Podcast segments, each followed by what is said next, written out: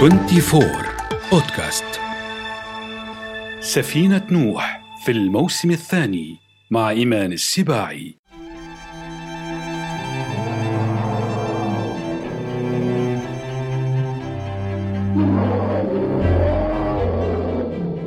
في عام 1902 كان الرئيس السادس والعشرون للولايات المتحدة الأمريكية تيودور روزفلت في جولة استكشافية في ولاية ميسيسيبي لتلبية دعوة حاكمها.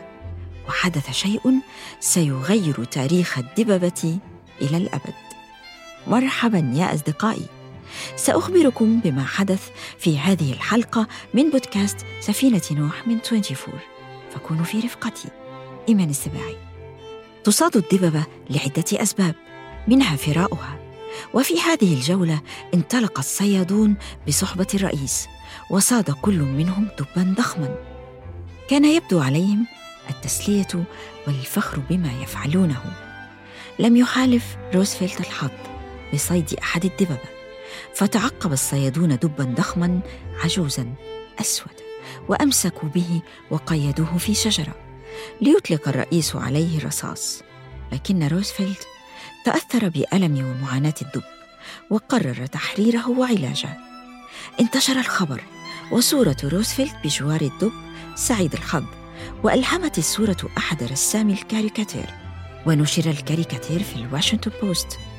الدب الكبير في رسم الكاريكاتير ألهم صاحب مصنع حلوى وزوجته. فصنعا دمية صغيرة لطيفة للدب. واستأذن موريس ميتشو صاحب الدمية الرئيس شخصيا ليستعير اسمه للدمية فسميت تيدي من تيودور. نجاح الفكرة وتهافت الناس على شراء الدب جعل صاحب محل الحلوى مؤسسا لأكبر شركة ألعاب أمريكية. ساهمت في انتشار الدمية الدب أو الدبدوب تيدي في العالم كله. وبعد أكثر من مئة عام ألهمت صناع فيلم تيد بأشهر فيلم كوميدي أحبه الكبار والصغار. كثير من الدول العربية يحرص فيها العشاق في عيد الحب على تقديم الدبدوب كهدايا خصوصا إذا كان أحمر اللون وليس بنيا كلون التيدي حب الطبيعة وكأنها كانت رسالة تيدي الذي ساهم في أن ننسى أحيانا أن الدب الحقيقي حيوان مفترس وتعتبر بعض أنواعه في حال مهاجمتها الإنسان قاتله وأعتقد أن من شاهد الدب الضخم يهاجم ليوناردو دي كابريو في فيلم The Revenant يعرف وحشية الدببة بعيدا عن تيدي الأمريكي يعيش الدب البني في أماكن كثيرة أشهرها روسيا. فالدب حيوانها الوطني ورمزها وبطل حكاياتها الشعبية وأساطيرها. وكما كان الإمبراطور الصيني يسمى قديما التنين فإمبراطور روسيا كان يطلق عليه الدب الروسي. كحام لقوة روسيا التي لا تهزم. توجد الدببة في مناطق لها طبيعة جغرافية مختلفة، فمن القطب الشمالي إلى المناطق الاستوائية، ومن الغابات والحقول إلى الأماكن الصخرية ومصبات المياه، وهي من أضخم الثدييات على الأرض، يزن الدب من 300 إلى 800 كيلوغرام وأسنانه وضروسه تبلغ قوتها وحدتها درجة طحن كل شيء. وحوافره تساعده على تسلق الأشجار رغم وزنه الثقيل. يأكل الدب اللحوم والنباتات والفاكهة التي يستطيع التمييز بين أنواعها والسمك خصوصا السلمون. ومن حسن حظ البشر أن الدب يحب العزلة فالدببة حيوانات خجولة ولا يلتقي أفرادها تقريبا إلا للتزاوج. أو تظل الأمهات مع الدياسم أبناء الدببة لرعايتها لكن الدب الجائع يهاجم الإنسان. كذلك إذا اعتمد على الإنسان في طعامه قد يصبح جريئا وخطيرا أو إذا خاف على أبنائه من الإنسان. يقضي الدب الشتاء نائما في سبات. إلا بعض الأنواع. فالدب الأسود الذي يسكن أمريكا يقضي الشتاء في أنفاق تحت الأرض. أو كهوف ولا يأكل أو يشرب كأنه يموت في الشتاء وينشط مرة أخرى في الربيع. الغريب يا أصدقائي أن الدب الكسلان الذي يعيش في أودية صخرية ضيقة سباته أقل بكثير من دببة أخرى فيأكل ويشرب ويستيقظ أحيانا لكنه ينام في النهار وينشط ليلا. أما الباندا العملاقة فهي من حيوانات الصين الوطنية وانقرضت كل أنواعها إلا النوع الموجود الآن. الغذاء الغريب للباندا هو الخيزران أو البامبو الذي استخدم قديما في الصين في صناعة الورق ويوجد منه حوالي خمسة آلاف نوع. أما أغرب الدببة فنوع يسمى دب الشمس بسبب أن صدره يحيط به فراء لونه أصفر برتقالي ويحيط بعينيه وفمه أيضا. كما أنه من أكثر الدببة رشاقة وأمحرها تسلقا للأشجار. ليس فقط بسبب خفة وزنه ولكن بسبب حوافره الخفيفة المعقوفة على شكل منجل وهو من أصغر أنواع الدببة. يأكل كل شيء الحشرات وخصوصا أعشاش النمل الأبيض والسحالي والطيور والفاكهة.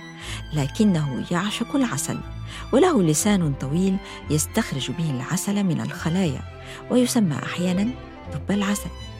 دب ظريف وعسل فعلا يا أصدقائي. لكن خفة ظله لم تجنبه المصير الأصفر. إنه المصير الأكثر ظلما من بين ما تتعرض له الحيوانات على يد الإنسان. دب الشمس وبعض أنواع الدببة كالدببة السوداء هدف لصناعة الطب التقليدي في الصين والهند وفيتنام.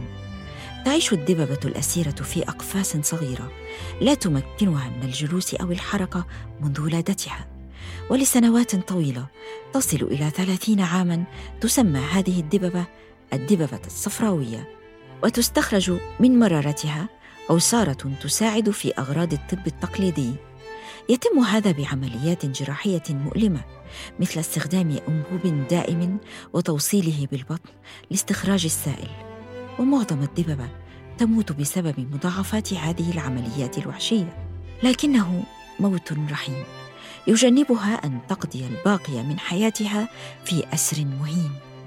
في عام 1868 التقى أديب روسيا العظيم ليو تولستوي بقنصل الولايات المتحدة الأمريكية وتحدث في أمور التعليم الذي كان من أولويات تولستوي.